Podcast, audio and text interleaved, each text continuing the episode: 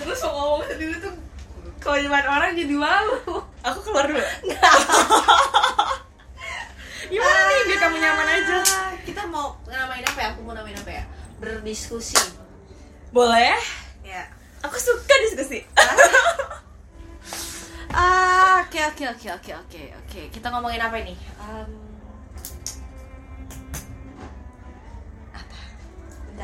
Pembukanya mau gimana tuh aku lebih oh mikir. ini ini lagi Nggak apa, cek udah, sound udah nyala, biarin aja. oh biar aja Lanjut ntar kita. Ntar aku giliran aku aja yang pusing halo Ah, oke, halo, ketemu lagi sama Stefani Bella di harusnya sih RT Podcast. Cuma kali ini beda karena kali ini ngajak orang, ngajak teman, ngajak ibu-ibu yang sih belum ibu-ibu ya. Ngajak teman dekat yang lebih paham tentang psikologi amin dan sudah seperti yang sudah dijanji sebelumnya kita akan ngejawab pertanyaan dari teman-teman yang udah bertanya di kolom komentar aku beberapa waktu yang lalu. Ya, tapi sebelumnya karena katanya nggak kenal maka nggak saya. Kalau main tiba-tiba ngomong aja nanti yang ada sok tahu banget orangnya ya dibilang iso asik loh, ya kan? Maka baiklah kita perkenalkan diri dulu. Eh, kok kita perkenalkan enggak? Mari saya memperkenalkan, enggak usah saya. Ibunya aja langsung aja memperkenalkan diri. oh sendiri mandiri ya Mandiri dulu. Iya, baik. Oke.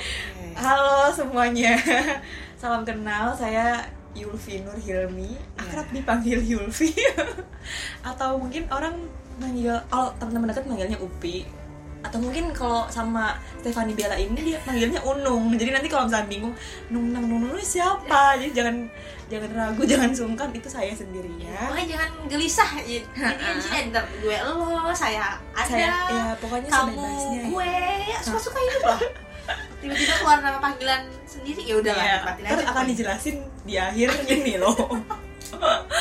Iya, tadi udah kenalan ya. Saya Yulfi. Saat ini em, saya seorang sarjana psikologi. Saat ini sedang berkarir sebagai uh, recruiter. Jadi jadinya saya lagi mendalami praktisi HR sih gitu tapi saya tetap interest tentang clinical psychology karena be-nya mau jadi psikolog mari aminkan bersama Amin gitu. So sebenarnya ini saya bukan ahli dan expert di bidang em, klinis banget, cuman karena emang interestnya ke sana, saya akan menjawab semampu yang saya mampu ya ibu. betul makanya uh, sesi ini kita namain berdiskusi yes, gitu. So kalau emang ada yang lebih ahli, Iya. em, jangan-jangan kalau siapa pun yang didengar di luar sana yang emang lebih ahli, boleh ditambahkan ya nantinya ya. Iya boleh email nanti. Betul, eh, salah betul. nih jawabannya gitu. Oke, Betul. Nanti di next berikutnya podcast berikutnya akan bilang, oh iya podcast Kita ini klarifikasi kemarin." ya. klarifikasi udah. Oke, baik baik gimana gimana gimana. Jadi daripada lama-lama ya kan, Mm-mm, mm-mm. me- karena kita sudah terkaget-kaget ngelihat komen yang masuk ternyata pertanyaannya banyak. Iya, dan saya juga cukup kaget ibu. Oh, oh. Kok kenapa tuh bu?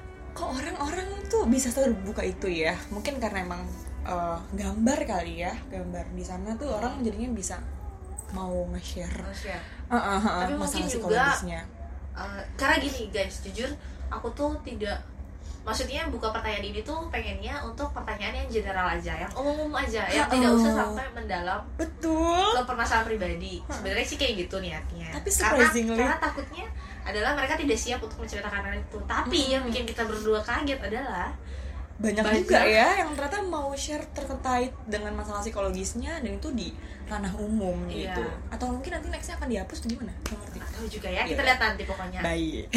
Walau memang ada beberapa kan yang katanya nggak mau cerita secara boleh nggak via DM aja. Cuma Mm-mm. ya emang nggak bisa via DM karena Banyak ya Bu yang masuk ke ntar di DM ya Bu. banyak saya pusing tumpuk tumpuk tumpuk tumpuk hidup kelar besok kan Keriting. keriting jari ya Oke. jadi marilah kita jawab jawab aja dulu random ya guys kalau misalnya nanti tiba-tiba pusing ya udahlah nikmatin aja pokoknya Dan maaf kalau emang nanti jawabannya nggak optimal atau mungkin nggak semuanya bisa dijawab Bu. Ibu Iya, mau sampai kapan Bu? kita terbatas waktu guys Uh-uh, ya. Kan social distancing keluarnya jangan lama-lama pokoknya lah Iya baik.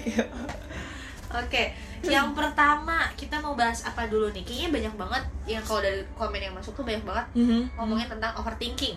Oke.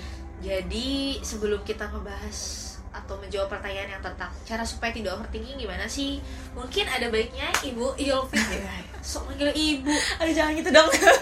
Mungkin ada baiknya Upi jelasin dulu. Sebenarnya overthinking itu apa sih? Penyebabnya apa? Atau apa aja sih bisa dimasukin dalam kategori overthinking itu? Oke overthinking itu kita udah tahu ya artinya kan oh, be- berpikirnya berlebihan. Pada dasarnya semua orang tuh bisa mengarah pada overthinking itu sendiri tergantung pada uh, konteksnya apa gitu. Sebenarnya itu wajar atau tidak? Wajar. Dan semua orang pasti mengalaminya gitu. Dan kalau kita lihat dari helikopter view tuh ya dari cakupan yang luas gitu ya tergantung pada sebenarnya apa yang sedang dia pikirkan apa yang sedang dihadapin dan konteksnya tergantung juga sama orang-orang terdekatnya beb gitu. Mungkin keluarganya mungkin pekerjaannya mungkin teman-teman kuliahnya atau teman-teman SMA SD SMP ini teman-teman kamu banyak kan? Ya ya jangan-jangan teman-teman banyak ya. Jadi tergantung pada ranahnya ke sana. Lalu konteks overthinking itu juga lagi-lagi sama gimana cara tergantung dia mempersepsikannya. Balik lagi persepsi itu kan kita yang kontrol ya Iya, gitu. Jadi kalau kamu mau jadi overthinking sama satu hal tergantung sama kamunya gitu. Kalau kamu bisa ngebatasin sama satu hal pun juga tergantung kamunya. Lagi-lagi self control juga main di sana. Uh, bingung nggak orang-orang kalau tentang self control sama persepsi ya? Tahu kan ya? Harusnya tahu ya. Iya. kalau nggak tahu cari tahu mereka sendiri. Ah, ah, browsing ya guys. Ya, Google tuh udah canggih banget. Heeh, biar nggak dia stalking mantan doang ya. Aduh. Baik-baik ya tuh. Ya again pada dasarnya overthinking itu wajar lumrah dan semua. dialami semua orang ya. Betul. Jadi kalian nggak usah khawatir eh, eh, apa kalau eh jangan gue nih overthinking nanti gue gini gini gini. Nggak usah sampai segitunya karena pada dasarnya semua orang juga ngalamin overthinking itu dan semua umur beb. Semua umur semua kalangan semua pekerjaan pasti ada ranah overthinking itu. Empok mau pulang ya? Iya Aduh. itu empok. Gak apa-apa. iya udah nanti skip ya, nanti bisa di skip kalau enggak biarin aja dimasukin karena ya namanya nam iklan. iklan podcast ini tidak dibuat dengan suasana yang kondusif memang nggak ada tujuan buat kondusif. Sama ya, aku sih oke. Udah menjawab belum? Udah belum kan kita baru menjelaskan apa sih overthinking itu? Iya. Penyebabnya apa? Tadi udah jawab penyebabnya kan? tahu ya. Semua hal tuh bisa Semua jadi sebabnya bisa jadi penyebab. tergantung sama pikiran kitanya mau mempersepsikannya seperti apa. Karena Oke. biasanya kalau orang-orang penting tuh fokus itu terus gitu kan ya. Itu terus padahal sebenarnya ada hal lain yang bisa dia lakukan selain overthinking itu. Oke. selain mikirin itu maksudnya. Oke. Iya. Jadi kita mulai dari pertanyaan pertama. Oke. Kak, dari aku nggak usah sebut nama kali ya untuk menghindari hal-hal tidak diinginkan. Baik. Untuk menjaga privasi iya pokoknya ada di kolom komen aja tuh ada di namanya sebelah ya. komennya. Pertanyaannya cara supaya tidak overthinking gimana tuh? Caranya biar nggak overthinking gimana sih? Tadi sebenarnya udah sempet sekilas aku omongin ya. Caranya adalah ya kita kontrol tentang pikiran itu sendiri. Mikirin itu sendiri. Ah mohon maaf. Permen ya bu. Cara kontrol diri sendiri tuh gimana? Cara ngontrol diri sendiri itu gimana? Itu kan yang susah sebenarnya. Betul karena kita sebenarnya gini overthinking itu kan pada landasannya adalah ada sumbernya. Hmm. ya kan? Kita mikirin itu aja. Atau mungkin nggak hanya satu jangan-jangan. Kalau nggak abis mikirin itu mikirin itu. Eh, ini belum kelar nih padahal itu belum kelar. Mikirin itu terus gitu. Terus caranya biar kita punya self control kayak gimana? Fokusnya jangan pada masalahnya doang tapi cara nyelesainnya juga cara menyelesaikan eh eh, gitu tuh guys cara nyelesain jangan dipikirin doang masalahnya Iya, kalau cuman kita pikirin doang, itu masalah kelar. Enggak, tapi yang bahayanya adalah kita tahu nih punya masalah. Ini yang lumrah terjadi sih sebenarnya. Kita nggak mau fight, kita maunya flight. ah ini kayak kamu pernah bahas Iya, sama orangnya sama tadi tuh, si Walter Kandan itu, si ahli fisiologis. Jadi dia tuh kita maunya flight aja, kita maunya hindarin masalah itu. Jadi kita nggak mau fight. Padahal kalau kita flight atau kita hindarin masalahnya, gitu ya gampangnya, kita hindarin masalahnya, itu masalah kelar. Nggak juga gitu. Tapi hidup tetap jalan, hidup tetap jalan. justru satu Ah. masalah belum selesai tuh malah akan berlanjut lagi kan Betul. akan diulang lagi nanti ke Betul. depannya Betul. Nanti yang ada kalau tes grafis tuh banyak tuh arsirannya. siap ibu Oke, next next. itu ya cara supaya nggak overthinking Ya kontrol sama ya kontrol kontrol dirinya harus jalan. Sadari Kontrol. masalahnya apa. kalian harus menyadari masalahnya menerima masalahnya terus baru di dari situ tuh belajar untuk menyikapi masalahnya kontrolnya kayak gimana sih betul. dengan baiknya betul betul dan kalau emang seandainya tidak salah satu masalahnya cari pertolongan dan harus pergi ke eh, ahli Hmm. teman-teman tuh juga bisa gitu tapi paling temannya juga ya respon juga akan variatif kamu harus kalau kamu udah eh, mau bagi masalah sama orang lain kamu juga harus siap dia menerima respon mereka. "Ah, ya lah lo ager-ager lembek banget ya. Itu Hmm. kayak hal yang harusnya kamu sadarin oh ya gue mau share masalah gue nih ke orang lain apa pun yang dia sampaikan gue akan harus terima. Oke. yes next next next. Next. Cara mengatasi trauma yang mendalam gimana? Uh, uh, uh, soalnya ada trauma nih dengan orang. Uh, uh, uh. mulut dan hati sudah memaafkan tapi setiap melihat dia tuh kejadian terlalu berbayang lagi terus menerus Oke, ngulang-ngulang ya, terulang-ulang. Sebenarnya aku harus tahu juga dulu nih, Pok. Eh, eh, Tep. Iya nggak apa-apa dipanggilnya ya biasa maaf nih pemirsa pemirsa saya ada Panggilan saya, pok Tep. macam-macam Iya. hidup hidup saya banyak Soalnya tergantung kondisi. Mm-mm. Kalau aku udah sayang banget, panggilnya Pok gitu. ya siap Jadi ter- aku harus tahu dulu nih, Pok. Maksudnya kondisi traumanya itu seperti apa? Hmm. Gitu. Apakah eh, ranahnya sudah sampai ke kognitifnya aja atau mungkin jangan sampai ke afektifnya? Afektif tuh kognitif itu kalau yang belum tahu pikiran aja, kalau afektif tuh ke perasaannya. oke. Gitu biasanya kalau udah connected nih antara pikiran dan perasaan itu ngarahnya pada afeksi. Eh afeksi eh, konatif atau mungkin ke perilaku gitu jadi pada dasarnya kan manusia itu kan tidak hanya satu bagian doang ya. Nggak hanya psikologisnya doang nih kita benerin tapi ke semua muanya jadi aku harus tahu dulu kondisi traumanya seperti apa. Kalau tadi dia bilang dia menyampaikan bahwasannya em, apa? Mulut sih udah ngomong udah maafin hati juga udah maafin. Tapi ternyata ketika ketemu orangnya di hadapan lagi kok terulang ya traumanya? Oh jangan-jangan belum terlalu nerima gitu. Belum sepenuhnya ikhlas tuh kalau bahasa kerennya ikhlas ya. Ikhlas. kalau bahasa gaulnya nerima Hmm. gitu. Kan kalau em, apa kalau kondisi yang udah bener-bener nerima kondisi yang udah bener-bener ikhlas biasanya mau orang itu yang tadi bikin trauma itu jungkil balik depan kita kita Nggak nggak akan peduli biasa lagi. aja. udah biasa lagi. Udah. Perasaannya udah netral again ke sana. Nanti kita mungkin bisa bahas terkait kita mau bahas tentang stres dan uh, depresi ter- itu mungkin namanya juga bisa ke sana. Jadi sabar ya beb. iya. Sabar. mungkin tungguin sampai podcast ini selesai. Iya. Semoga Ini ada pan- kalau jawabannya. panjang ya udah nikmatin aja pokoknya. Karena emang kalau aku sempat sekilas baca tuh emang saling pertanyaannya Sebenarnya satu sama lain saling tumpang tindih betul. saling melengkapi. Iya kayak Kayak- di, kayak apa? Iya udahlah. Ini pertanyaan sama nih kita tadi apa tuh? Cara bisa ngilangin overthinking. Tadi udah dijawab ya. Mm-mm. terus lanjutannya dia bilang gini akhir-akhir ini ngerasa stres dan tertekan. Waduh oke hal baik. kecil pun jadi pikiran buatku. Oke. Semacam ada kecemasan berlebih. Apakah Oke. kecemasan berlebih itu wajar?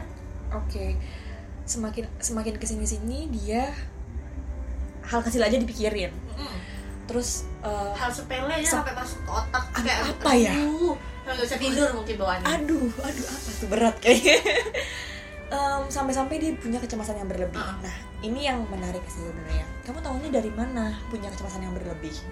Gitu. tahap kecemasan berlebih itu seperti apa sih Nah. titik mana sih kecemasan berlebih itu sebenarnya Oke, itu pertanyaannya ya. Ada yang assalamualaikum. Mama saya. Waalaikumsalam Waalaikumsalam, kita harus jawab ya. Em, sebenarnya gini, yang kita harus tahu adalah kondisi eh, cemasnya kayak gimana dulu, gitu. Kalau kita mau tahu cemas tuh kayak gimana, Hmm. ya kita harus tahu juga hal yang lain nih. Bahasa panjang nih bu, nggak apa-apa. Gak apa-apa lah bu ya ah. Em, Gimana caranya dibikin lebih singkat, lebih padat, lebih Aduh. Jangan juga bingung ngomongnya kan Nah bahasanya dulu Jadi pada dasarnya tadi dia bilang kan ya, hal kecil aja sampai dia pikirin, ya, sampai mengganggu dia gitu, sampai-sampai dia ngerasa, "Hmm, kok mulai cemas nih, mulai mulai Apa aja suaranya apa? Di apa aja Oh di apa aja? Ah, ah. radio kali saya ya. Ah, ah, jadi sampai aduh kayaknya cemas nih gitu. Kayaknya ini aduh bener gak ya bener gak ya gitu. Nah berarti emang ada yang salah sama dirimu nak. Entah siapa pun itu yang nanya ya. Kamu harus sadar kalau sebenarnya kamu mungkin sedang butuh pertolongan juga. Ya kondisinya kalau sampai hal-hal yang kecil aja sampai mengganggu dirimu berarti emang kamu eh, ada yang tidak ada yang belum diselesaikan nih gitu. Ada yang perlu diselesaikan dulu. Karena pada dasarnya kalau kita hidup nih kita bangun tidur bangun oh pagi selamat pagi dunia. Biasanya gue gitu sih. Itu tuh nggak ada yang perlu dicemaskan karena yang lalu sudah berlalu yang depan kita belum tahu. Kita fokusnya emang sekarang nih. Abis bangun tidur ngapain? Oh minum. Uh, atau ah, abis abis bangun tidur apa? Oh cek handphone. Apa yang dicemaskan? Karena emang sebenarnya kalau hal yang bisa uh, yang harus orang-orang tahu adalah biasanya orang-orang itu cemas karena dia memikir memikirkan ini simak baik-baik. Oh. memfikirkan memfokuskan hal yang ke depan sama hal yang sudah lewat. Oh makanya dia cemas. Cemas itu mulainya juga ber- ber- beranjak dari takut. Takut tuh biasanya karena apa? Karena kita terlalu mikirin hal yang sudah tidak kita bisa kontrol lagi kita juga belum tahu ke depannya kayak gimana. Mm-mm. udah dipikirin deh mau depan sama belakang tuh udah kayak gitu. Itu yang bikin kita sebenarnya cemas. Maju kena mundur juga kena ya. Heeh, gitu. Kita harusnya realize oh kalau depan ya gue belum bisa ngapa-ngapain nih gitu. Belum terprediksi juga. Kalau misal kita misalkan say kita udah ngeplan. Heeh. misalkan gue besok mau ngerjain ini ini ini ini ini. Udah ngeplan kan tuh ya. Tapi ternyata tiba-tiba berubah.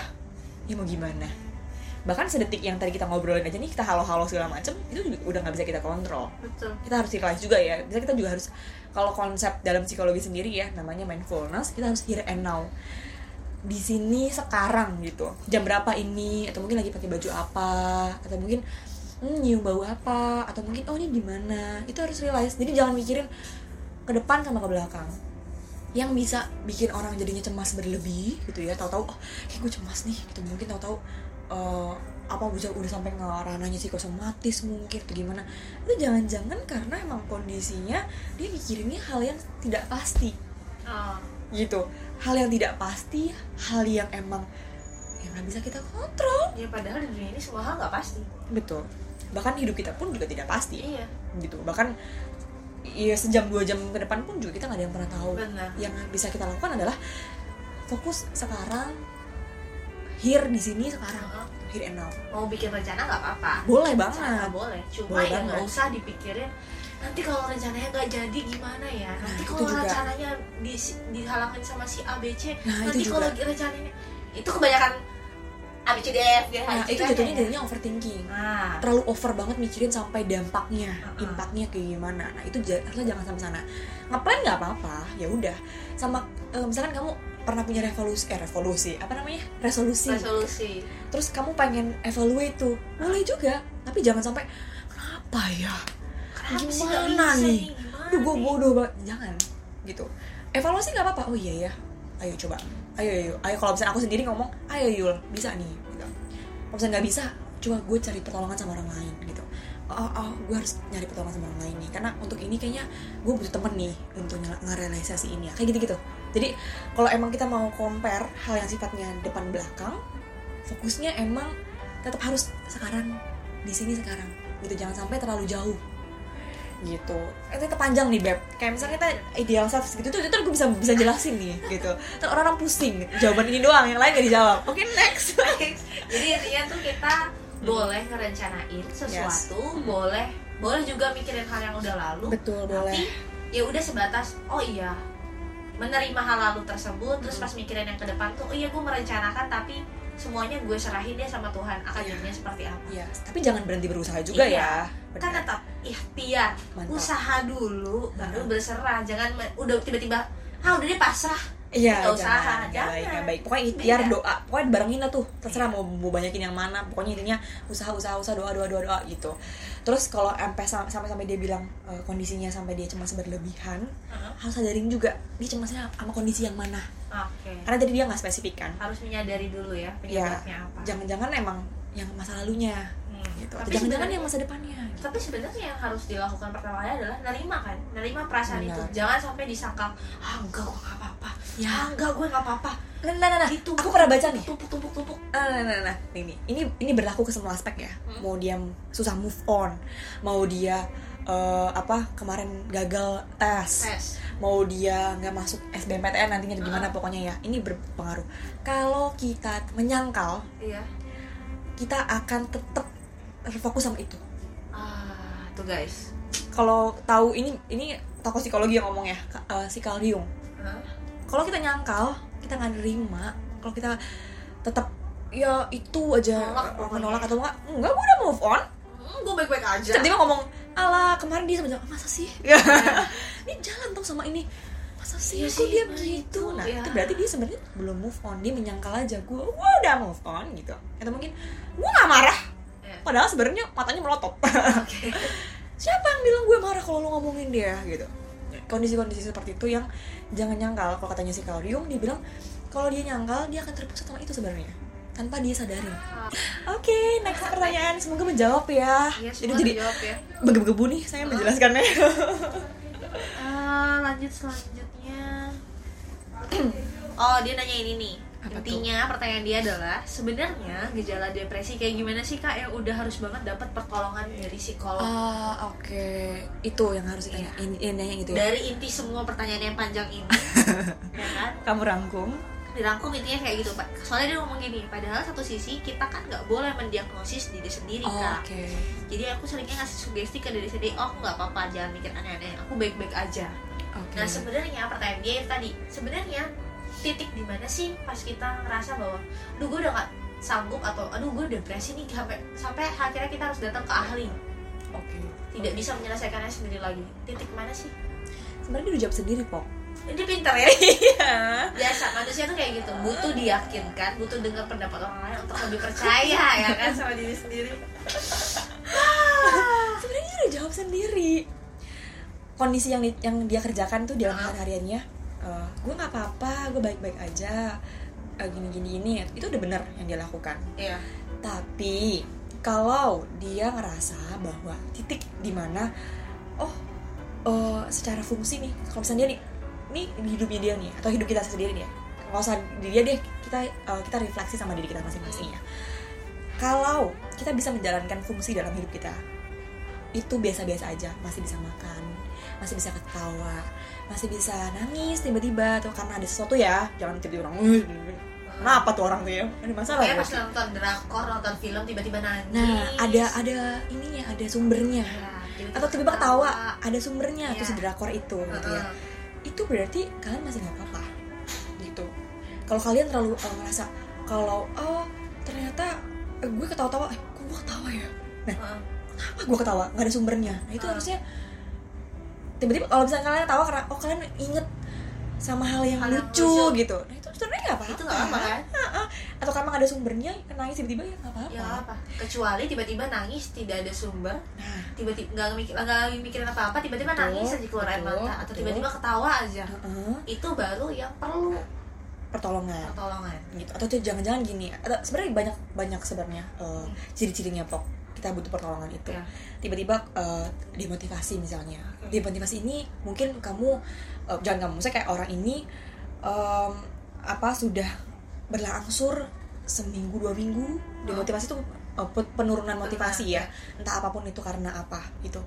Bisa jadi karena itu itu sebenarnya dari suatu sumber kalau dia punya masalah.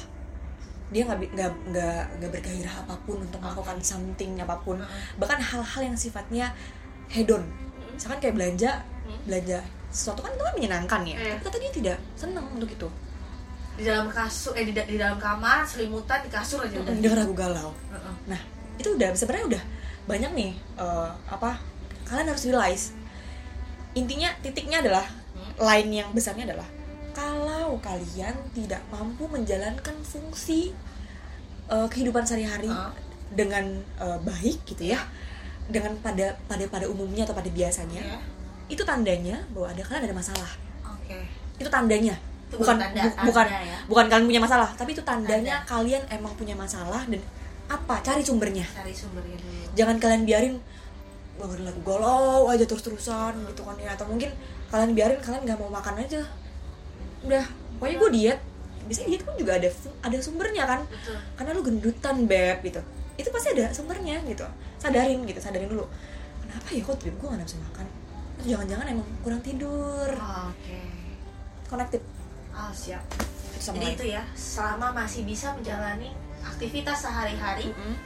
dengan seperti biasanya berarti masih gak apa-apa. Aman. Aman. bahkan kalau dia sampai bilang saya masih memotivasi diri itu sebenarnya motivasi. Iya, beb betul. sadar tidak sadar ya kamu memotivasi dirimu biar everything's fine. Iya. gue bisa kok gini gitu. Iya. Self self assessment itu justru harus dilakukan Oh. tapi jangan terlalu jauh Ah. gitu ya Jangan terlalu jauh. nggak apa-apa jangan berlebihan Uh-uh. mencintai juga berlebihan nggak boleh kayak gitulah pokoknya intinya kayak apa pun emang sebenarnya dalam dunia ini emang tidak boleh berlebihan betul kan? Sederhana. baik terlalu berlebihan juga nggak boleh iya kayak gitu juga kan ada orang yang memaklumin gak apa-apa saya disakitin terus saya tetap harus Nggak baik gitu, karena gitu.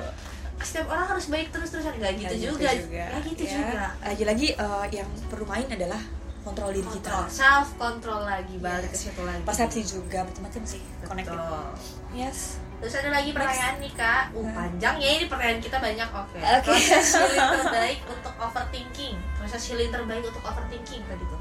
oh, terus kayak tadi aku udah hampir jawab nggak Kita sih udah nyerempet sih tadi. nyerempet ya proses healing terbaik untuk orang yang overthinking Mungkin jauh singkat aja bu. Ya usah dipikirin Nah, itu singkat pikirin coba. Itu singkat banget ya Allah. healing banget kan Iya, iya. karena biasanya kalau kita em, apa tadi dia bilang kan ya healing terbaik sebenarnya dia mau, mau cari cara tuh untuk Iya. nyelesain itu Dia sudah tahu punya masalah, Mm-mm. dia mungkin sudah menemukan sumber masalahnya, tinggal dia nyari cara gimana ya gue Iya. bisa balik lagi. sama diri sendiri dulu Uh-uh. kalau diri sendiri nggak mampu bantu sama orang lain karena biasanya ini biasanya nih ya Oke. Orang pergi ke orang lain atau mungkin orang pergi ke psikolog dia nggak tahu masalahnya apa. Oh dia tidak bisa menemukan buang-buang masalahnya. waktu. Iya. betul. Misalnya aku ketemu sama uh, kalau kita sendiri kita berdua nih ya pok ya. Kamu tahu deh kita berdua udah melakukan ini semenjak aku kuliah btw ada waktu nggak kita mau ngobrol? Ngob- mau ngobrol tuh pasti udah tahu nih gue mau ngomongin apa. Jangan sampai kita ngomong ah iya apa Eh, nih? itu begini loh Nah, itu ya itu itu gosip sebenarnya doang sorry. ya itu buang-buang waktu. Nah sebenarnya kalau kita ketemu orang lain pok itu juga bisa proses healing. Ah ya betul saya selalu melakukan itu kah beneran. Kita ngobrol sama orang lain itu juga healing. Asalkan ada tujuannya. Oke.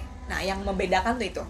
Kalau kita ngobrol aja gitu gak ada tujuan mau sampai jam 12 malam pun itu juga ngobrol, ngobrol ngomongin orang kejelekannya Yes, udah yes. kekurangan orang ya itu nggak ada tujuan udah itu. Uh-uh. karena gak ada intisari anu intisari tuh. Sari, Aduh, gue oh. pengen intisari sih sebenarnya jadi intisari. Tapi ini tuh biasa sih ya. Kalian ke psikolog pun atau eh, dia ke mana pun Hmm. bahkan dia ke dokter pun beb ada tujuannya nggak? Nah, dokter saya sakit kepala. Boleh nggak minta dok obat, atau obat tujuannya ada kan? Ada. Nah itu dia. Dia ke psikolog pun juga bilang "Eh, apa dok sih. Mbak. Eh, dok lagi iya. Kan nggak nggak dok. Iya. mbak atau Mbak. mungkin Mbak, ibu. Mas bu Mm-mm. pak eh, apa pun, ya itu. apa pun itu panggilannya. Saya gini kondisinya. Saya gini gini gini gini. Kalau kamu pergi ke orang ke teman itu pun juga bisa kamu lakukan. Proses healing yang paling baik itu sebenarnya. Oke. Bukannya justru kita memanfaatkan teman kita ya? Bukan. Justru kita realize oh kita butuh ngomong. Butuh teman. Butuh teman. Karena proses eh bukan proses fungsinya manusia itu emang pada dasarnya makhluk sosial. Betul deh kalau kita Sosial, menghindari uh, uh, kalau kita justru menghindari uh, teman menghindari kerumunan Iya. menghindari yang lain-lain itu justru jangan-jangan ada yang salah nah. sama diri kita gitu. Kenapa? Ya orang ngomong pun punya mulut kok. Itu emang fungsinya kayak gitu sih gambarannya jadi panjang ya. Apa dong bu? Oke itu ya. Jadi healing terbaik adalah ibu sih ah, aduh ah, senyumin lagi. Jadi healing terbaik yang terbaik adalah kita harus cari teman. Kita butuh teman. Kita butuh berbicara sama orang lain. Sebenarnya sih itu ya. Se- eh, aku pribadi pun merasa kalau sebenarnya cara terbaik untuk bisa healing itu adalah aku diajak ngobrol sama oh orang oke. aku dengar orang Ah, atau itu juga bisa dengar orang atau aku diajak ngobrol sama orang. Ah. jadi tuh kayak bisa untuk berpikir lagi kemarin kenapa insight ya? dapatnya. Iya betul sekali. Kita Yes. dapat insight lagi gitu. Ya itu cara healing terbaik menurut kami. Uh-uh. kalau misalnya ada yang punya lain ya lakukanlah menurut boleh boleh juga baca buku konseling pun juga nanti ujung-ujungnya dia bilang kamu harus menentukan tujuanmu untuk menyelesaikan masalah apa. Udah intinya itu. Jadi itu berlaku dalam konteks mana pun dan kalian juga bisa me, apa ya kalau bahasa kasarnya memanfaatkan teman-teman kalian juga untuk saling ngeris sama lain. Nanti juga eh, ujung-ujungnya masih dapat insight. Oh iya ya itu itu maksud gue tuh itu. Iya, lu ngerti gue banget. Itu namanya insight sebenarnya. Ah. tapi orang tuh nggak ngeh kalau sebenarnya tuh sudah melakukan uh, Proses proses, healing. terapeutik oh, kalau mereka dalam- tidak dalam- mereka tidak menyadari hal tersebut ya, ya berarti. terapeutik itu penyembuhan. Oke. Tapi mereka tidak sadari. Coba mereka sadari gitu. semoga kalau denger ini mereka tidak perlu baca buku mereka sadar ya. Iya sadar ya. kalau tuh sudah melakukan eh, apa proses terapeutik atau penyembuhan Oh. dengan cara berbicara juga aja termasuk nih kayaknya mendengarkan Iya. kita kan ya. semoga ya Semoga. amin oke Ada next. lagi nih berkaitan sama yang tadi nih kayaknya. Mm, mm, mm. Kak, kenapa orang bisa ngerasa blackout atau merasa kesepian padahal lagi di keramaian? Tadi kan sempat disinggung tuh. Oke, sepi dalam keramaian ya. Aduh. Ramah dalam sepi. Jakarta sepi hatiku ramai lagu mau di Ayunda. itu wajar sebenarnya. Wajar gak sih sebenarnya? Wajar, wajar banget. Aku pun saya pun, aku Hah? pun, gue pun, Gue pun. juga sering gitu. Sering banget karena emang Apa kan sebenarnya? betul yang jadi masalah. Ini jadi kita harus fokusnya ke kalau ada masalah ya. Ya. Kalau mereka kayaknya banyak masalah. Dan mereka bilang, ya elah kok kayak gitu doang juga tahu jawabannya kak. iya, mereka harus realize kondisinya adalah kalau terus-terusan Kalau terus-terusan ngerasa Betul. sepi di keramaian. betul dan itu berulang sampai uh, mereka sadar oh kayak gue udah sebulan nih ngerasain sepi Sebulan dalam melakukan hal eh sebulan nggak sadar ya? hal Uh, uh, ya. atau mungkin sebenarnya kalau dua minggu itu juga udah batasan tuh Ah. ada warning tuh dalam diri kita kenapa nih gini gue nih? Gitu. Coba cari tahu coba cari tahu lagi-lagi coba cari tahu uh, apa? Jangan males cari tahu pokoknya. uh, uh, jangan-jangan ada yang hal menarik pok. Aku pernah baca buku gini. Kadangkala kita itu um, apa terlalu banyak mencari hal yang di luar sampai kamu Lupa pernah ngeliat ke dalam. Uh-uh. itu kayaknya udah hal yang sepele banget ya Heeh. Ya, tapi orang tuh sibuk nyari sukses gimana caranya Gimana sih harus sukses? Iya, atau mungkin orang tuh sibuk mencari eh, gimana nih gue lulus, gimana gue dapet uang banyak, gimana gue lalalalalala sampai mereka ada yang empty dalam dirinya, ada yang kosong. Betul. ada yang kosong. Sebenarnya apa ya yang gue cari? Terus ujungnya kayak gitu. Gue ngapain sih kayak gini capek-capek? Gue ngapain sih? Sebenarnya tanda juga kalau tiba-tiba kita capek nih, secara secara kan kita juga capek itu ada dua ya, fisik sama mental. Ya. Tiba-tiba secara capek secara mental, artinya kita butuh apa tuh space. Ah, Ya, mungkin cari hal yang sifatnya bikin lo bahagia. ah, oke. misalnya kamu ngerasa kalau gue bahagia kalau gue makan es krim ya udah tapi ternyata, pas udah pas udah makan es krim ternyata gue tidak bahagia juga. Oh coba gue oh gue seneng banget nih jalan-jalan ke time zone. Ah. gue main aja ke time zone. Udah ngabisin uang ternyata kok gue masih belum terlalu happy ya. Apa nih yang kurang? Eh gue seneng kalau masak-masak. Oh gue masak-masak. Jadi itu sebenarnya dia sudah melakukan coping. Ah, coping stress tanpa dia mereka sadarin. Kalau bahasa ilmiahnya itu namanya coping stress ah. apa tuh namanya? Bah- menyelesaikan masalah. Eh, ya kayak gitu. Cara dia menyelesaikan eh, masalah coping stress lah ya. Jadi dia tuh sebenarnya udah melakukan coping. Oh oh atau mungkin eh, di, mis- misalkan dia emang senangnya dipeluk dia nyari pelukan nih teman-temannya kok aku masih empty ya? Atau aku masih kosong ya? Ah jangan-jangan emang dia belum menyelesaikan masalahnya nih beb. Dia coping doang tuh. Ah. eksternal aja tapi internalnya enggak. Ah. gitu. Lagi-lagi itu sih. Jadi sadarin juga kenapa gitu. Terus copingnya juga harus dilakukan atau enggak kalau ternyata sudah berkali-kali sudah melakukan coping tapi tidak selesai juga masalahnya masalahnya nggak mau diselesain atau mungkin tidak selesai juga mungkin kamu juga butuh orang ahli Ah, gitu ya guys ya. Ya. Jadi, jadi nggak hanya ngobrol doang sama temanmu yang tidak ahli tapi juga kamu juga ngobrol sama orang yang ahli Oke. emang mahal sih tapi ya nabung Iya, nabung. ketika kamu sudah sadar kamu punya masalah kamu udah ngobrol sama teman-temanmu udah tidak merasa sembuh iya. selesaikan kamu nabung tuh dari awal kamu udah ngobrol kamu nabung sampai set insya Allah itu kok realize kok Oke. harusnya ya Jadi gitu ya guys. Jadi kalau serasa kesepian di keramaian tapi terjadi sesekali doang, ya nggak apa-apa. wajar Wajar. saya pun juga Kita pun mengalami hal seperti itu. Karena- tapi karena kalau manusia. dalam waktu kayak minimal maksimal dua minggu dua minggu atau mungkin lebih dari itu bahkan lebih dari itu ng- mengalami hal itu berulang-ulang Mm-mm. itu yang patut dicari tahu dulu masalahnya yes. Karena kalau misalnya kalau kenapa aku bilang dua minggu? Sebenarnya nggak ada ajak ajak yang bilang itu sih pok nggak ada yang aj- nggak ada ya. takutnya ada yang salahin gue nih. Maksudnya nggak ada yang ajak bilang harusnya dua minggu. Nggak ada. Tapi kalau kenapa aku bilang harus dua minggu? Karena Iya. pada dasarnya perilaku itu kan eh, apa ya dinamis kok. Betul. Gitu. Once andainya eh, tiba-tiba belum nyampe dua minggu, mereka nungguin lagi, eh dua minggu nih, gue harus ya nggak gitu gitu. Maksudnya ketika sebelum dua minggu ya berarti kamu udah realize gitu. Jadi kamu udah ngasih batas waktu diri kamu sendiri. Kalau misalnya gue nangis terus, halo nggak selesai. penuh aja nangis gitu terus Sebenarnya ya? itu juga harusnya juga Udah. harusnya minta pertolongan ke Iya. temen atau ke mana gitu jadi nggak harus nunggu dua minggu betul Kad- kalau misalnya sehari gue tiba-tiba minta pertolongan boleh juga boleh nggak apa-apa nggak apa-apa apa-apa atau juga emang gunanya kalian punya teman gunanya kalian punya sosial media gunanya kalian punya uang Mm. kalian punya eh, hal yang sifatnya bikin bahagia ya itu oke Kan hidup cuma sekali beb yes next next kayak udah kepanjangan nih. Next, eh, ini lagi aku sering dikatain panikan orangnya. Wajar nggak sih kak kalau panikan? wajar Wajar. jawab pertanyaan itu doang gampang banget Coba kalau pertanyaan gini ya. Wajar. wajar tergantung sama porsinya Betul. kalau paniknya setiap saat nah itu juga butuh pertolongan ya Oke. jangan segan untuk cerita. Jangan segan pokoknya buat cerita guys. Iya. nanti kayaknya kita akan dapat kesimpulan itu di ujung-ujungnya Terus ada lagi pertanyaan kak aku mau tanya Hmm. seputar bagaimana memilih teman dekat dalam tanda kutip teman curhat yang baik. Soalnya aku beberapa kali mempercayai semua cerita-ceritaku sama orang keliru. Dan Oke. ujung-ujungnya Oke. orang itu jatuhin aku diam-diam dari belakang. Hmm, nusuk ya beb. Karena Jahat gimana ya. pun masing-masing dari kita pasti butuh yang namanya tempat buat ngeluarin unek-unek. Ini pinternya Gimana tuh? oh dia dia, tahu. dia udah step lebih jauh ya, Ya, dia udah dibanding yang tadi teman-teman yang lain ya. tempat untuk berkeluh kesah tuh dia udah Oke, tahu. oke. cuma gimana sih cara milihnya yang benar? Oke oke. Gimana cara memilih uh, Yang teman yang baik ya? Benar. Padahal nggak ada sih. Nggak ada guidance-nya. Nggak ada yang bilang suatu eh sesuatu lagi. Seseorang itu tuh baik benar tuh kita nggak bisa nggak bisa menyimpulkan nggak bisa. Karena teman dekat sekalipun emang bisa nusuk kita dari belakang. Kapan pun. Kapan pun. Betul yang perlunya ada jaga-jaga ya Nah, sebenarnya gini, yang harus disadarin dulu ya, Heeh. disadarin ya, sama-sama. Mungkin ini uh, judgement, tapi yang harus disadarin adalah semua orang itu berpotensi untuk jadi jahat.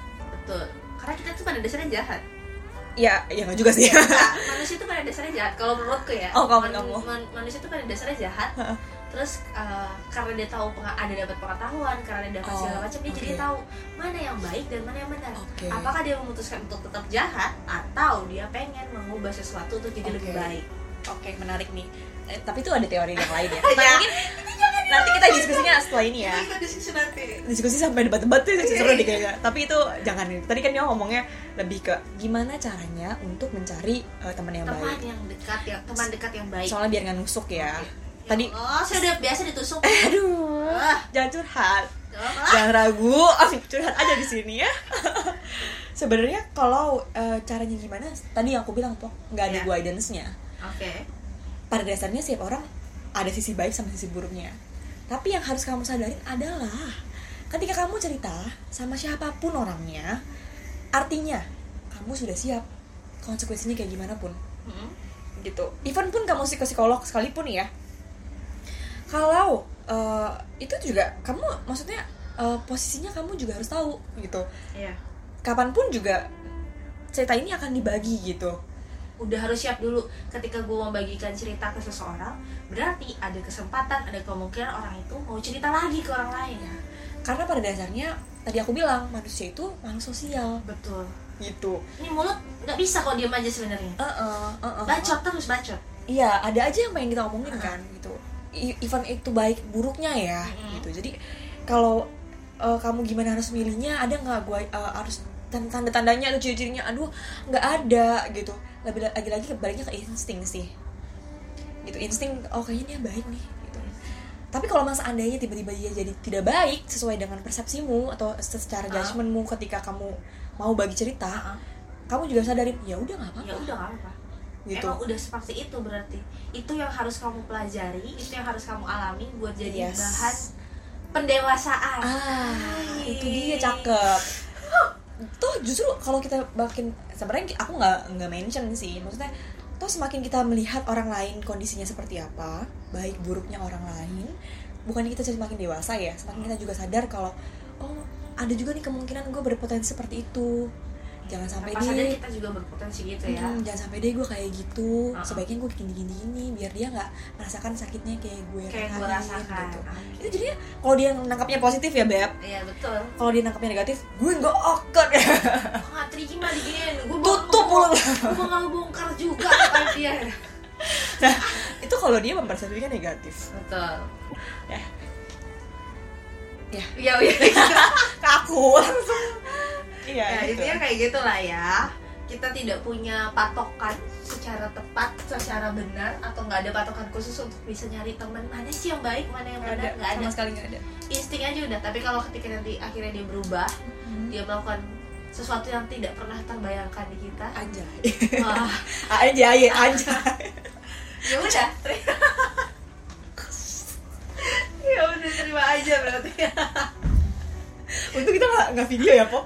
Maaf ya tawan deh gue kalau video mah gila ini akan semakin terbongkar kita. Aib. Gitu ya. Gitu. Oke next kita lanjut ke pertanyaan Next. berikutnya. Banyak ya beb. Banyak beb. Ehm, cara gimana? Cara gimana caranya? Oke saking cemasnya saya saya sering nih ya kita next ke pertanyaan ini. saking cemasnya saya Hmm. sering kali takut bertemu sama orang. Ketika ada tamu di rumah seakan tertekan akan pertanyaannya akan ini dilontarkan. udah tadi. Kan itu tadi sebelum kita mulai podcast ya masa sih Iya. oke. Salah ya beb maaf ya guys kita emang testing testing iya iya iya iya kita kan diulang oh itu terus Pertanyaan saya cuma saya Seringkali saya takut ketemu sama orang Ketika ada tamu ke rumah seakan tertekan Akan pertanyaannya akan dilontarkan. Padahal tamunya biasa aja. Atau bahkan pak tamunya nggak nanya apa-apa. Cuma tapi saya rasanya tertekan. Oh. Saya ingin dia tuh cepat-cepat pulang. Itu juga mungkin yang mempengaruhi dia takut ketemu sama orang. Jadi Oh, pertanyaannya mungkin kenapa ya? ya, gue bisa cemas. Takut- takut sama orang. takut banget ya. Uh, tapi itu case nya adalah dia ketemu tamu itu ya. Kamu jadi pada dasarnya dia adalah cemas ketemu orang lain. Ketemu orang lain. Ah. kenapa tuh beb Panjang sih sebenarnya. karena coba kalau kamu sendiri gimana analisamu pok? Waduh aduh. kita harus menganalisa nih. Kalau menurutmu deh. Kalau menurutku kita takut karena mungkin ada pengalaman yang pernah dialami Bisa jadi. yang yang ngebekas gitu kayak Bisa jadi. ditekan terus. Eh lo kapan nikah eh lo kapan lulus? Eh kalau udah nikah eh lo kapan punya anak? Eh kapan anaknya punya adik lagi? Iya. eh kapan ini nih? Oh panjang kan hidup? Hidup panjang. Ada yang nanya kapan mati. Nggak sopan emang. Iya iya jangan jangan. Jangan Iya, ya dia ada ada hal yang pernah dialami yang kemudian bikin dia tuh ngebekas banget itu. Bisa jadi. Sampai dia ketakutan. bisa jadi Eh, problemnya kalau ditarik eh, garis lainnya ya. Benang merah. Benang merahnya merah. gitu ya. Garis lain itu jelek ya bahasa gue ya. Benang merahnya orang-orang tahu ya. Eh, kalau kita tarik benang merahnya gitu ya orang ini sebenarnya dia sudah melakukan one step Hah? ke depan. Heeh, gitu. Kalau kamu tadi kan bilangnya ada masa lalunya nih. Betul. Kalau aku juga kasih tahu benang merahnya adalah dia sudah menjudgment ke yang ke depan. Oh, dia udah menilai seseorang hanya dengan pas lihat doang gitu. Eh, eh, eh, lebih ke sini lebih ke sini eh, lebih ke sini arahnya. Dia sudah memperkirakan orang ini akan nanya oh, apa ngapain? Nah Oke. gitu. Itu sebenarnya tidak baik dilakukan sama yang yang tadi pun yang kamu yang bilang saya eh, ke aku gitu ya. Ke aku bilang katanya yang sebelumnya itu dia mungkin punya masalah nih gini gini, Ah. gini gitu. Bisa jadi. Heeh. makanya dia kondisinya di kondisinya dia yang sekarang dan kondisi sekarang adalah dia langsung memikirkan juga Ah. udahlah kemarin belum kelar dia mikirin juga ke depannya gimana Iya, sampai-sampai makanya dia nggak nyaman ketemu orang lain gitu di masa lalu belum kelar di depan ditambah-tambahin lagi karena kita masalah. tadi aku jelasin ya Betul. here and now sebaiknya dalam case apa pun Heeh. jangan terlalu mikirin ke depan tuh kayak gimana Ah. in case nggak hanya masalah event apa tuh eh, apa sih namanya pok nggak hanya peristiwa Heeh. omongan orang lain pun juga nggak usah kita pikirin ah itu tuh paling paling paling paling banyak penyebabnya tuh. Gitu. Karena emang eh, kita nggak bisa kontrol lagi lagi tuh. Omongan orang lain omongan orang lain.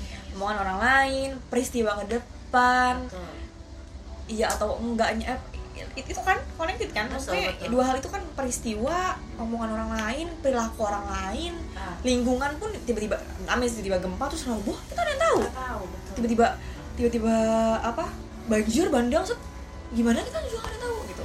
Tiba-tiba ada corona kayak gini kita juga nggak tahu. Gitu. Itu kan nggak bisa kita kontrol. Betul. Gitu. Yang bisa kita kontrol adalah gimana caranya kita tetap bersih kalau corona ya kita ngomongin corona kita tetap bersih kita tetap social Tetap distancing kita tetap iya. menjaga kita harus gimana gimana gitu gitu kan betul fokusnya adalah apa yang bisa kita lakukan ah Kita tuh, apa jaga. yang bisa kita lakukan untuk menjaga Nah, jangan terlalu mikir eh, iya tadi eh, case yang tadi overthinking juga iya ini emang kayaknya jangan-jangan orang-orang di sini overthinking. beb ah, ah. iya beb baik siap, Beb. next geli deh cara mengatasi insecure berlebih agar tidak makin depresi aduh aduh aduh, aduh. dia sampai depresi berarti. Kondisinya dia depresi? Di kondisinya mungkin dia belum sampai di tahap depresi cuma dia sering insecure. Sepertinya dia sering insecure terus dia Oh. nanya gimana ya caranya supaya insecure ini nggak bertambah bertambah tambah terus malah jadi depresi gitu. Hmm, oke. Baik. Sebenarnya ini problem semua orang sih Aha, di di era yang sekarang ya. Betul. Em, maksudnya siapa pun bisa insecure. Iya. lihat sosial media insecure bawaannya lihat sosial media bisa insecure. Atau mungkin omongan orang lain oh, insecure. ketemu nih ketemu nih ngobrol. Ah ya ya kenapa ya? Insecure. Betul. Atau jangan-jangan orang-orang terdekat kita yang bikin kita insecure? Kenapa nggak S2 Gitu. itu omongan yang sering gue dapet sih Beb. Uh, itu omongan yang sering gue dapet. Kenapa sih lu nggak S2 padahal dia nggak tahu. Mungkin kondisi finansial problem gue. Iya betul. Mungkin eh, kerjaan gue. Betul. atau mungkin yang lain project-project yang mau gue lakuin. Atau mungkin apa ya kayak gitu gitu iya. Pada dasarnya semua orang bisa insecure. Dah betul. Gitu yang tadi dia tanya adalah biar nggak mengarah pada depresi. Betul. Ya kita ngulang-ulang sama beb. Sebenarnya ujung-ujungnya kita sendiri. Sadarin aja kondisinya. Dan insecure itu wajar. Insecure itu wajar. Wajar banget. Wajar untuk bertumbuh. Iya. sebenarnya. Kalau Gitu. kita mau menyikapi dengan positif. Betul. Betul banget. Betul banget. Ada buku beb. Aduh bukunya siapa tuh? Pokoknya ini ya guys. Eh, saya tag rekaman ini tuh ada di kamarnya ibu Yulfi Nur Hilmi dengan kamarnya yang penuh dengan buku psikologi Tuhanku di mana-mana ngambil-ngambil ya kan? Itu uh, tuh kamu ntar kamu baca deh. Aku aku pernah stabiloin aku inget banget. Sebenarnya gini insecure itu bisa bikin kita anxiety Betul. cemas. Anxiety can be useful aha. kalau kita bisa mengolah kecemasan itu. Oh oke. Kalau ngomongin panjang nih ya Hmm. ngomong jawab ini panjang eh, terserah deh lu ngeditnya gimana ya. Ini kalau kita ngomongin panjang stres itu ada dua. Aha. ada eustress sama distress. Aha. kita pasti pernah bahas ini pok. Hmm. yang kita perlu sadarin adalah gila banyak banget gak tuh bahasanku sama dia. Luar biasa. Oke lanjut karena kita biar kita aware kan sama Iya. yang lain gitu. Kondisinya lu lagi eustress nih beb. Heeh. gitu atau ini kan lu lagi distress. Oke ada dua itu tadi aku bilang. Kalau kita panjang lagi nih sebelumnya stres itu awal dari mana? Dari stresor. Stresor sebenarnya sifatnya netral. Aha. stresor itu adalah sifat yang netral yang bikin jadi nggak netral tuh apa? Persepsi kita. Ah, ingat balik lagi persepsi kita sebenarnya muter-muter dari tadi kan ya. Betul. Tapi emang lagi-lagi pertanyaannya memang connected satu sama lain Uh-uh. kita nggak bisa salah gitu gitu. Eh, apa stres itu sebenarnya stresor itu adalah sifatnya netral. Aku misalnya dimarahin mamiku Mhm. sedih Mhm. kecewa gitu. Kalau kamu dimarahin mami aku tawa palingan. Nah malu kayak gitu. Maksudnya Oke. itu sebenarnya itu sifatnya netral. Aha. marahnya orang tua itu sebenarnya sifat sifatnya netral. Gimana kita mempersepsikan itu itu yang jadinya timbullah stresor. Oke. Nah stresor jadi dua. Eh stres. Stres ada dua. Distress sama eustress yang tadi aku bilang eustress adalah yang positif. Positif. Kalau distress dia negatif. Dis dis dis. Negatif. Dis dis dis dis, dis. kayak eustress eus e e e. Ya nggak tau lah setelah lo mau mikirnya gimana. Pokoknya e itu yang positif positif. distress itu yang negatif. Yang seringnya gimana di lingkungan yang sekarang? Yang distress biasanya. Heeh. gitu kalau yang eustress tuh gimana yang tadi aku bilang sebenarnya ini connected yang tadi aku, aku ceritain ya. Eh, stress itu sebenarnya you- anxiety, stress apa pun itu can be useful. Gimana caranya kita mempersepsikannya? Oke. Gitu. Bahkan insecurity itu pun itu kan jadinya tidak nyaman ya. Aduh insecure nih gitu. Eh, aduh gimana nih gitu kan. Itu sebenarnya tidak nyaman kan? Ah. kondisi ketidaknyamanan. Itu bisa Iya. menimbulkan arahnya pada stres sebenarnya. Oke. Gitu. Eh, itu bisa jadi useful tergantung pada kondisi si people-nya. Ah, lo mau mikirnya gimana? Karena pikiran perasaan dan tadi aku bilang juga perilaku itu semua connected. Oke. Tapi sumbernya lagi-lagi di pikiran.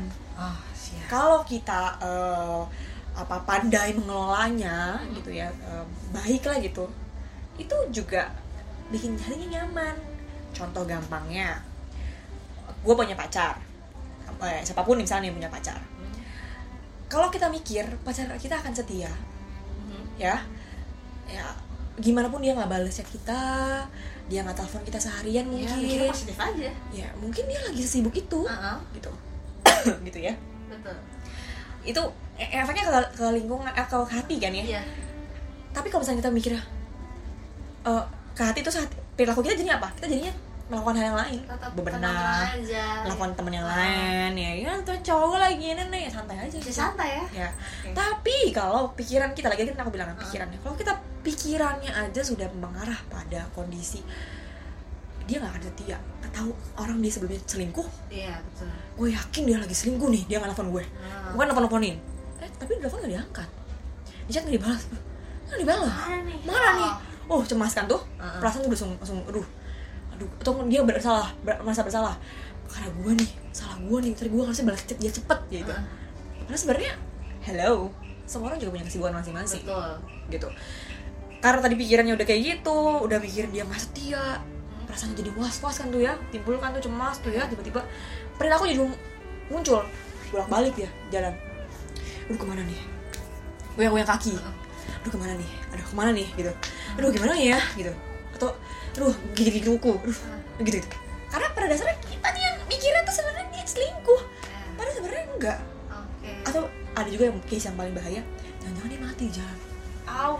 Adik sumpah sumpah adik aku pernah dengar aku eh, apa eh, aku itu aku di bareng sama psikolog gitu ya Hah? under under supervisi under supervisi. Kita eh, ngobrol dia tahu nggak ini connected juga sama contohnya. Hah? dia mikir kalau suaminya nggak balas chat dia suaminya lagi kecelakaan kenapa dia bisa kayak gitu tante? Pas lagi udah selesai nih waktu itu terminate terminasi ternyata ternyata sumber dia adalah dia sering nonton sinetron. Ah, oke. Itu connected kan? Betul.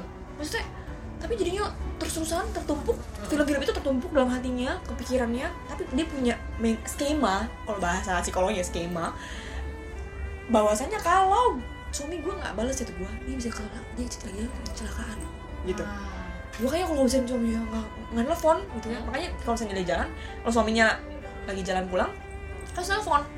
Wow. Oke. Hanya pas lagi jalan pulang aja. Hmm. karena dia takut kalau suaminya mati di jalan. Hmm, gitu. Itu kan jadinya impact ke mana-mana kan ya? Iya betul. Insekuritas, anxiety, perasaan apa pun itu sifatnya. Kalau kita tidak kontrol pikiran kita nih, dan itu tidak di use apa tidak di use secara baik, pasti akan ada kecemasan-kecemasan, eh, perasaan bersalah dan lain-lain dan lain-lain. Balik lagi, Lagi-lagi semua ke adalah tentang pikiran. pola pikir Karena ya. manusia itu tidak eh, fokusnya nggak hanya ke eh, perasaan eh, psikologis doang. Ini kan Iya. tadi kita ngomong psikologis ya. Iya. Padahal sebenarnya kognitif pun juga main. oke Makanya kenapa ada kalau kalau dia ada nanya tentang HR nggak ada nanya ya. Itu Ya, sebenarnya deh kemarin tuh tapi nggak tahu tapi itu sebenarnya eh, makanya kenapa psikotes atau asesmen itu harus dilakukannya komprehensif menyeluruh ah otak eh, kognitifnya ya behavior eh, behavior terus mungkin sikap kerjanya kita bisa Hmm. prediksi kan ya sama personalitinya Hmm, itu sih harus menyeluruh. Yes. Balik lagi ya guys intinya semua adalah dengan bagaimana cara kita mengolah pikiran kita. Betul betul. Itu akan impact ke mana-mana pun.